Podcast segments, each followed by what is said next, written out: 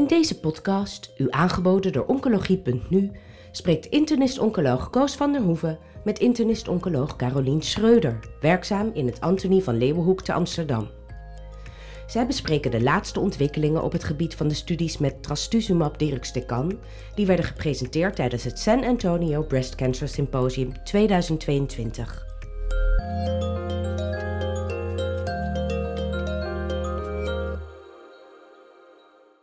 San Antonio Breast Cancer Symposium 2022.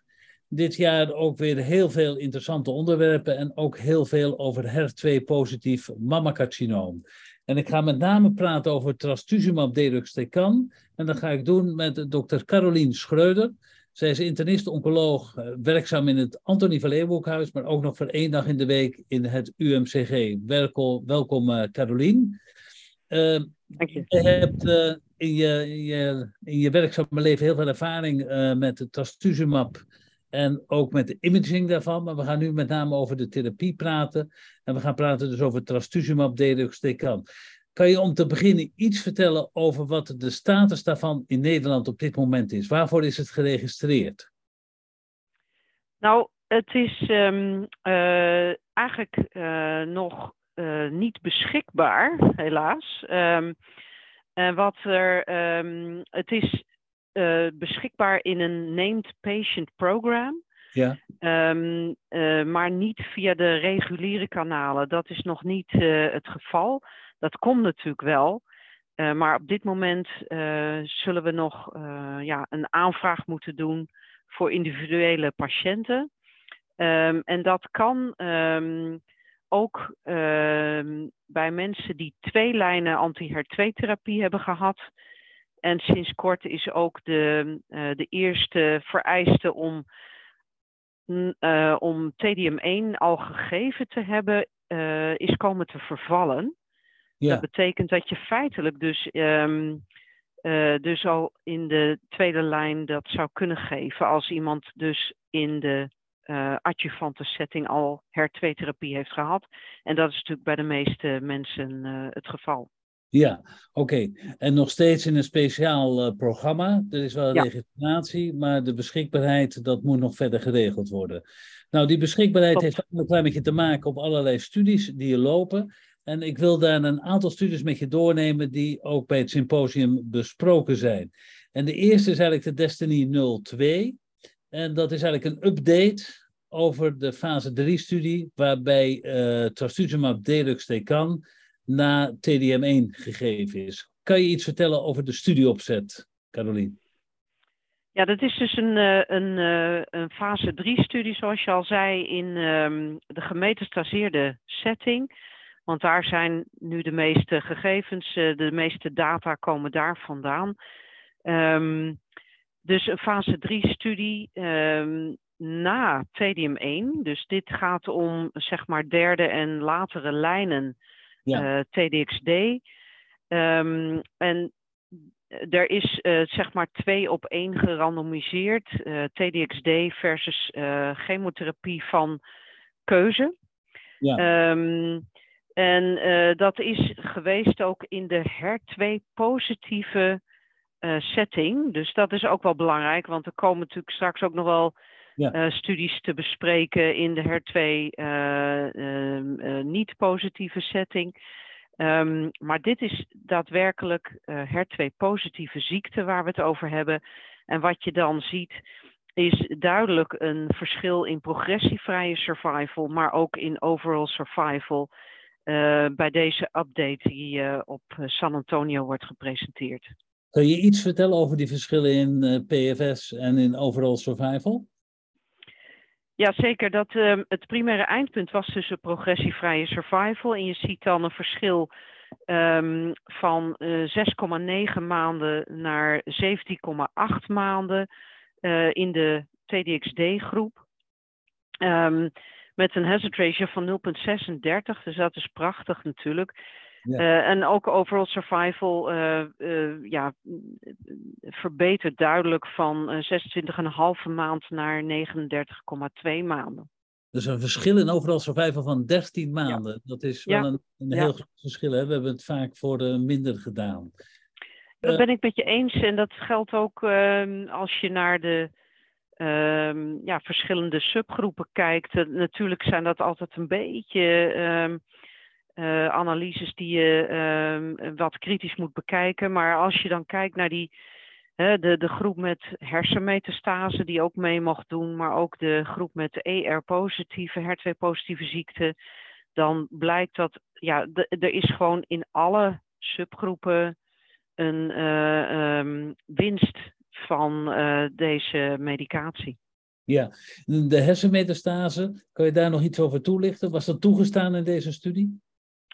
Ja, gelukkig wel. Um, dat is um, uh, ook ja, echt wel een, een, um, een toegevoegde waarde, denk ik, van deze uh, studie geweest. Uh, waarbij de, de overlevingswinst zelfs apart is ja, gepresenteerd in deze groep. En waarom is dat zo belangrijk? Omdat we natuurlijk eigenlijk ja, niet, laten we het zo zeggen, je komt als oncoloog op een gegeven moment aan de uiteinden van wat er op lokale therapie mogelijk is bij deze uh, groep patiënten als het om hersenmetastase gaat. Um, en dan is altijd de vraag van de neuroloog of de radiotherapeut, kun je niet alsnog iets met systeemtherapie bewerkstelligen.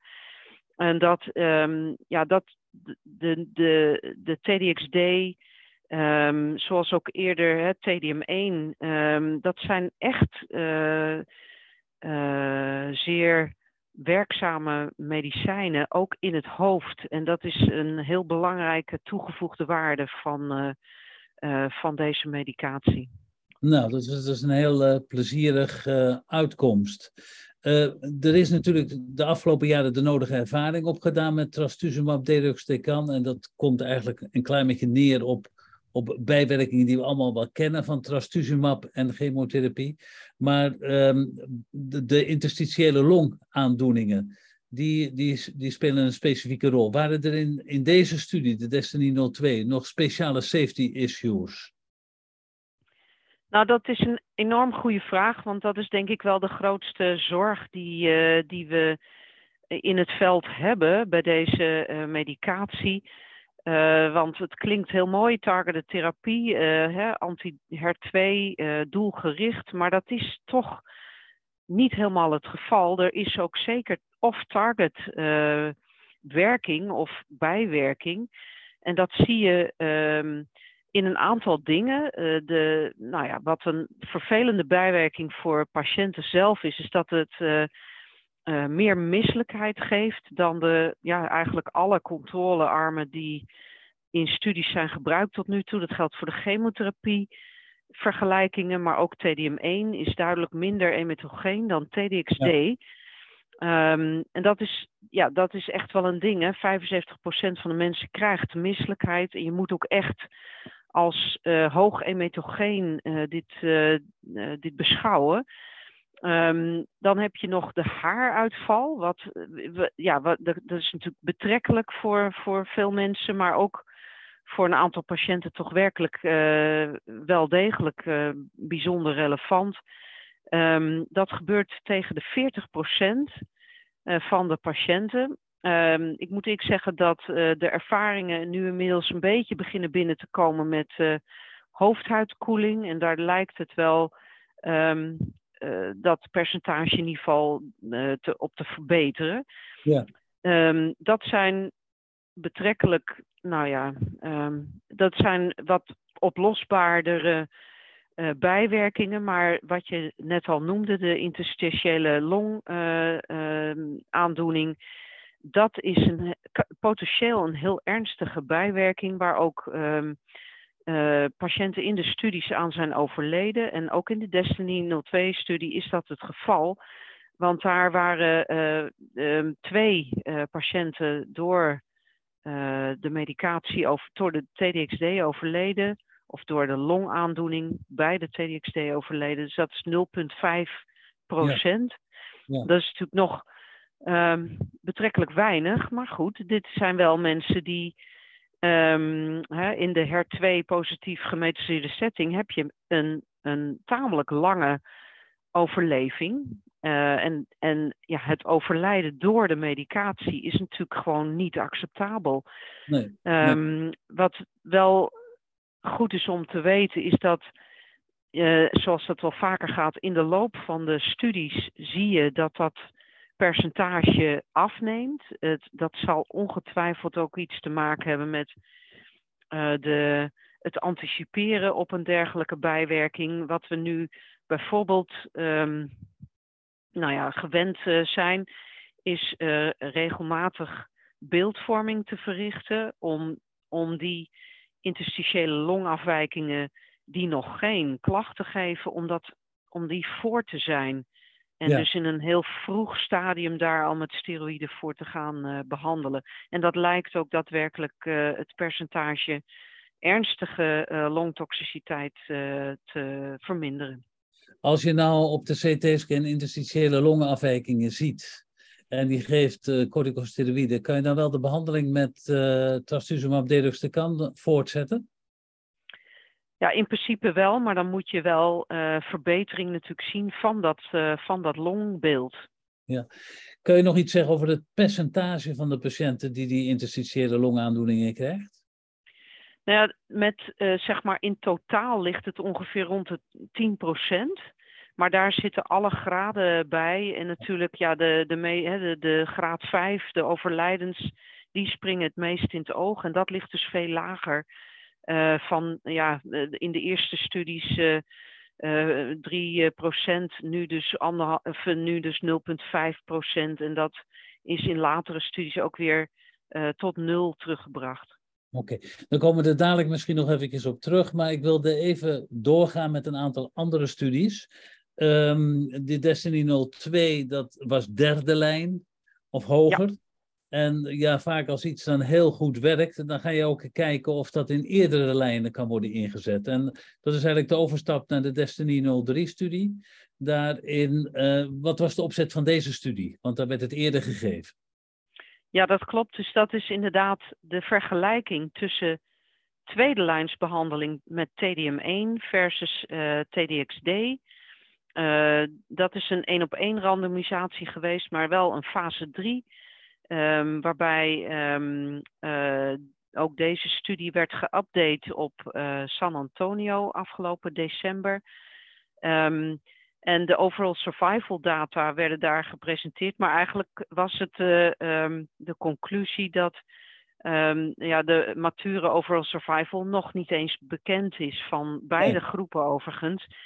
En wat je wel heel duidelijk ziet, maar dat, dat wisten we al uit de eerdere presentaties, is dat er enorme progressievrije survival verschillen bestaan uh, tussen uh, TDXD en TDM1. Waarbij TDXD het duidelijk beter doet. Hè. De, de progressievrije survival um, gaat van 6,8 maanden naar 29 maanden met eh, TDXD. Ja, dat is een enorm verschil ook. Ja. Een enorm verschil. Deze studie eh, heeft ook weer een groot aantal patiënten uh, behandeld. Um, waren daar nog andere bijwerkingsprofielen dan we al kenden in de eerdere studies? Er waren geen nieuwe safety uh, issues gerapporteerd. Um, dus ja, moeten we aannemen dat dat inmiddels een beetje bekend terrein begint te worden.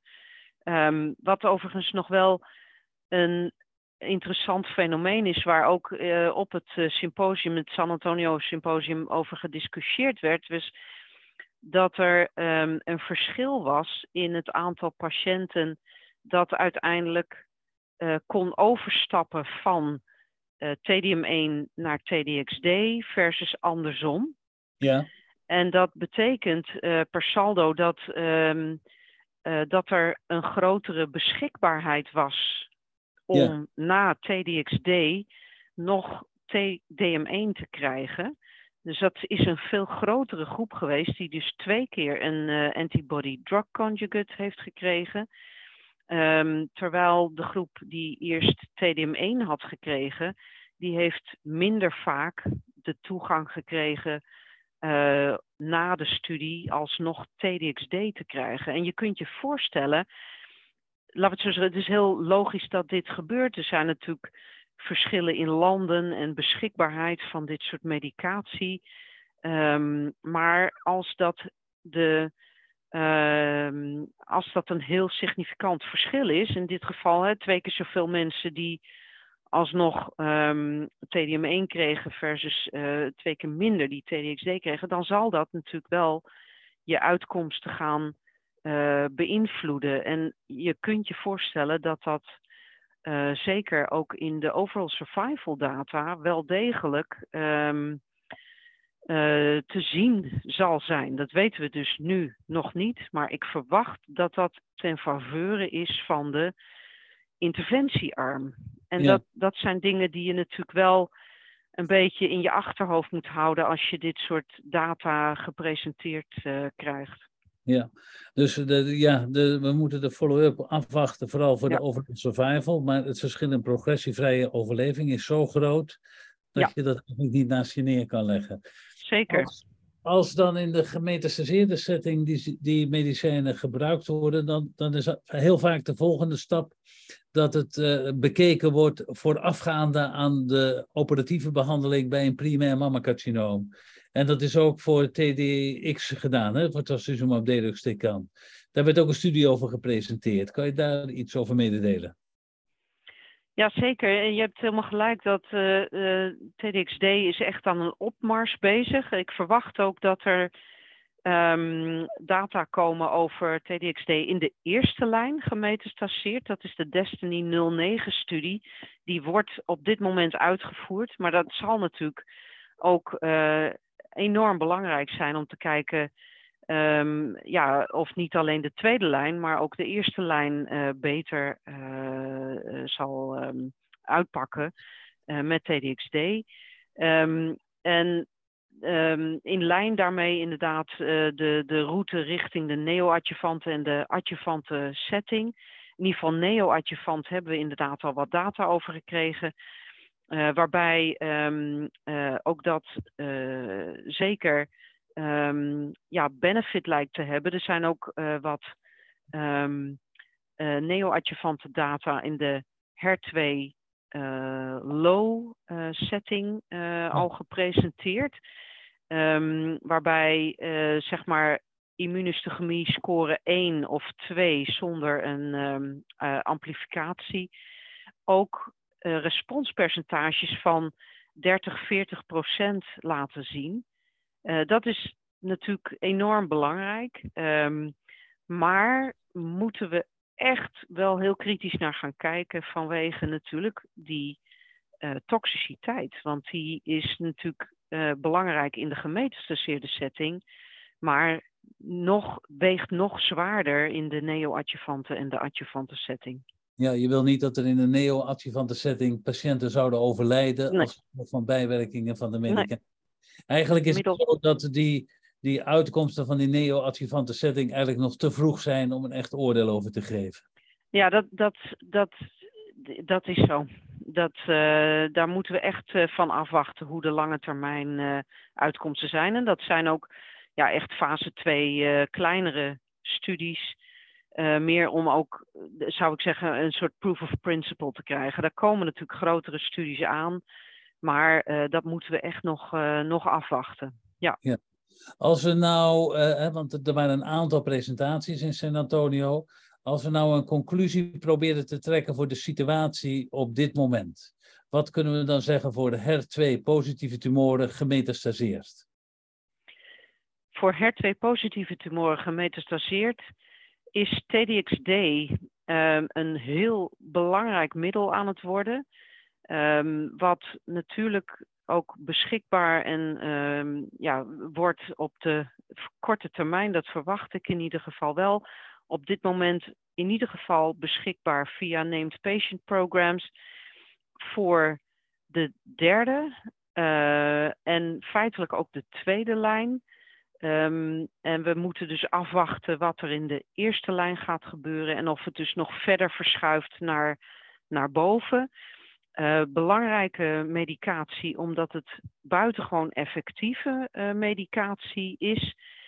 Um, maar omdat er aan die trastuzumab zoveel wat ze noemen payload, of terwijl in dit geval chemotherapie hangt, ook met de nodige bijwerkingen. En daar, ja, dat, dat moeten we in de vingers zien te krijgen. Uh, dat, dat is één ding. En daarnaast hebben we natuurlijk ook, um, uh, laten we het zo zeggen, de ontwikkeling uh, met betrekking tot kosten en dergelijke zal waarschijnlijk ook nog um, iets zijn wat uit moet kristalliseren. Dus dit is een veld wat heel erg in ontwikkeling is. Maar dat is een belangrijke ontwikkeling voor HER2-positief gemetaseerd mammacarcinoom. Dus in ieder geval een hoop voor de patiënten. Uh, op San Antonio was er eigenlijk weinig publicatie over of weinig aandacht voor voor de patiënten die eigenlijk een HER2-low uh, expressie hebben. Maar zou je daar nog iets over kunnen zeggen wat trastuzumab deruxtecan in deze patiëntengroep zou kunnen betekenen? Ja, ik denk dat dat is een woest interessant veld wat mij betreft. Um, natuurlijk op ASCO was daar uh, de, de, eh, de general, uh, de plenary session over met zeer enthousiaste reacties en dergelijke, omdat daar um, de overlevingswinst werd getoond bij HER2 1 plus en 2 plus ziekte zonder amplificatie, wat eigenlijk ja. een beetje zeg maar counterintuitive is. Hè? Je kunt bijna niet, niet geloven dat het zo is. En het, is, het zijn schitterende data met ook, um, zoals gezegd, overlevingswinst.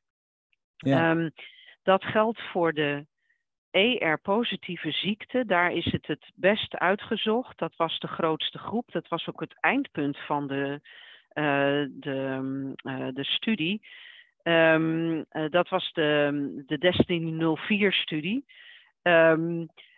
Wat, en die registratie, die komt er natuurlijk ook aan. Dat verwacht ik in ieder geval wel. Door de EMA is dit inmiddels al uh, geaccordeerd. Um, maar dat zal nog even duren voordat we zover zijn dat we dat voor ER-positieve ziekte in Nederland uh, daadwerkelijk tot, uh, tot onze beschikking krijgen.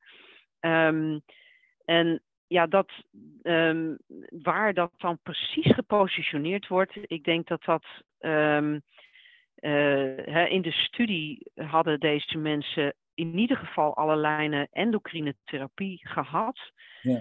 Uh, en ook de meeste mensen hadden al chemotherapie gehad, uh, 60%. Ja, als je bijvoorbeeld naar het um, ESMO um, gemetaseerde borstkanker guidelines kijkt, daar staat het al in. Ja. Uh, en dan is het eigenlijk vlak na de endocrine therapie gepositioneerd. Um, hoe dat in Nederland zal worden opgepakt, dat, dat moeten we natuurlijk uh, gaan zien. Maar ik verwacht dat we daar uh, ook uh, de opmars van TDXD in de ER-positieve ziekte gaan krijgen. Voor triple negatives um, is de overlevingswinst die we zagen uh, denk ik van enorm groot belang. Maar het issue daarbij is dat, die sub, dat het feitelijk een subgroepenanalyse was van de Destiny 04-studie en dat die studie daar niet voor gepowerd is.